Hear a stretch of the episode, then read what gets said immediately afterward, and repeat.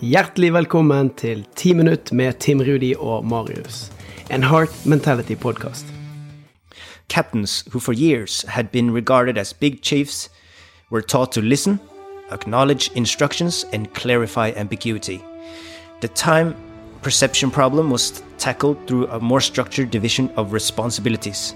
Checklists, already in operation, were expanded and improved. The checklists have been established as a means of preventing oversights in the face of complexity. But they also flatten the hi- hierarchy.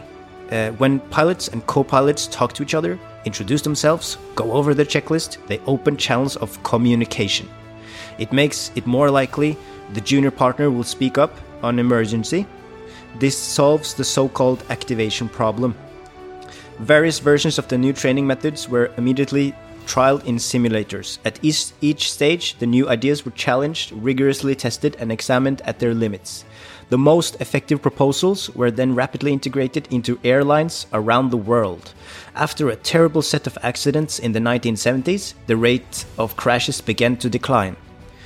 United Airlines 90, uh, 173 was a traumatic incident, but it also was a great leap forward, the aviation safety expert Sean uh, Prochnicki says. It is still regarded as a watershed, the moment when we grasp the fact that the human errors often emerge from poorly designed system. It changed the way the industry thinks. 10 people died on the United Airlines 173, but the learning opportunity saved many thousands of more. Det var en veldig lang historie, men det her handler om hvordan eh, flyselskapene har lært seg å deale med feil da, i løpet av de siste åra, og hvordan det å faktisk etablere systemer og prosedyrer for å håndtere feil, sikre at man har gode prosedyrer på ting som skjer, uavhengig av eh, rang, og for mm, ha det formålet at man skal virkelig få mindre feil, lære av de, og så utvikle seg og bli bedre.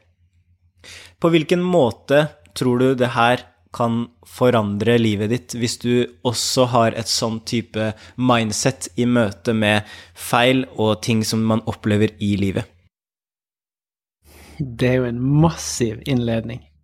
Det fins 100 ulike retninger du kan ta på det. Jeg var så spent på spørsmålet ditt. Så det første der, det handler jo rett og slett om å etablere systemer og strukturer som gjør det trygt å si ifra. Som gjør det trygt å speak up i møte med potensielle feil. Og i tillegg til den United Airlines-eksempelet, så har vi òg det som skjedde på 70-tallet. Jeg husker ikke om det var Gran Canaria eller Mallorca, der eh, et fly som skulle ta av, eh, tok av uten å ha fått klarsignalet. Og juniorkapteinen kjente til og hørte at det egentlig ikke var gitt go, men tørde ikke å si ifra til kapteinen sin som medførte at de takset ut og tok av og, og krasjet med et landende fly. Det har jo, det har jo blitt en, et eksempel, en historie på hvordan vi i møte med frykt for oss sjøl Mangel på psykologisk trygghet gir oss jo frykt. Og så er den frykten sånn at vi vil heller beskytte oss sjøl i nå-øyeblikket enn at vi klarer å tenke langsiktige konsekvenser av å ikke si ifra. Så i det flyeksempelet så sitter kapteinen og kjenner på sin egen frykt fordi at den hovedkapteinen, eller kapteinen, hadde et sånt hierarkisk overgrep. Han hadde tidligere vært kjent for å kjefte ut co-piloter hvis feil ble påpekt. Så han ville beskytte seg sjøl, samtidig stille. Som endte opp med at alle på flyet omkom. Det kan vi se i, i arbeidshverdagen òg. Eh, medarbeidere som ser at det er noe feil i produksjonslinjen men så er det en kollega, en mellomleder, en øverste leder, som ikke håndterer den type tilbakemeldinger, og som gjør at det er utrygt å si ifra. Volkswagen-eksempelet, når den eh, skandalen kom, så viste det seg at han øverste sjefen for Volkswagen han hadde ikke som intensjon å skape en fryktkultur og en kultur der folk tok snarveier og fjusket for å nå målet, men gjennom atferden sin så gjorde han ting som skapte mekanismer som gjorde at ingeniørene fant måter å lyge på utslippene til bilene. Det gjør at i din egen hverdag, i din egen arbeidshverdag, så kan du lage felles regler, felles systemer, felles strukturer som åpner opp for at alle i teamet, til og med den som er nyest og mest junior, faktisk eh, setter ord på ting som de ser som kan være skadelig for hvordan teamet fungerer, eller hvordan produksjonen er, eller har mer langsiktige effekter. Og et utrolig godt eksempel på det, eh, det er i spesialavdelingene så er det ofte lag på mindre grupper, seks til åtte spesialister. Der har de regler som sier at når de møter situasjoner som er krevende, og problemstillinger der de må finne løsninger, så er det som oftest den yngste som begynner å prate. Så den som er, den som er sist inn i teamet, som er kanskje den som nettopp har gått ut av kurset, og som har kommet inn i et etablert lag, er den når de står på panseret og de skal finne ut hvordan skal vi løse denne krisen her, så er det den personen som begynner å idémyldre. Og da er jo regelen at det er den personen som begynner å idémyldre. Og det er strukturen de følger.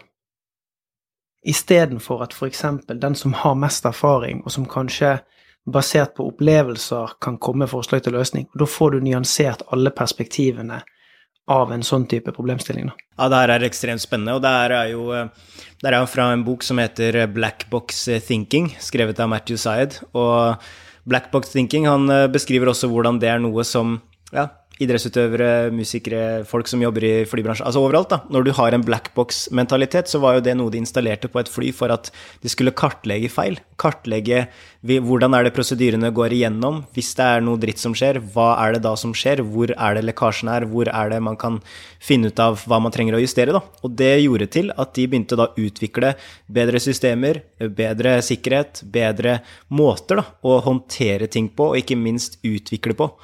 Og, og, hele det handler om hvordan kan du ha en black box thinking eh, inn i det du gjør, da. Eh, hvordan kan man bli god til å faktisk kartlegge, finne ut av og være nysgjerrig på hva er det som er viktig å gjøre for å kunne håndtere ting som oppstår, da, og ikke minst eh, forbedre og utvikle. Mm. Men hvordan blir man eh, god på å, å feile?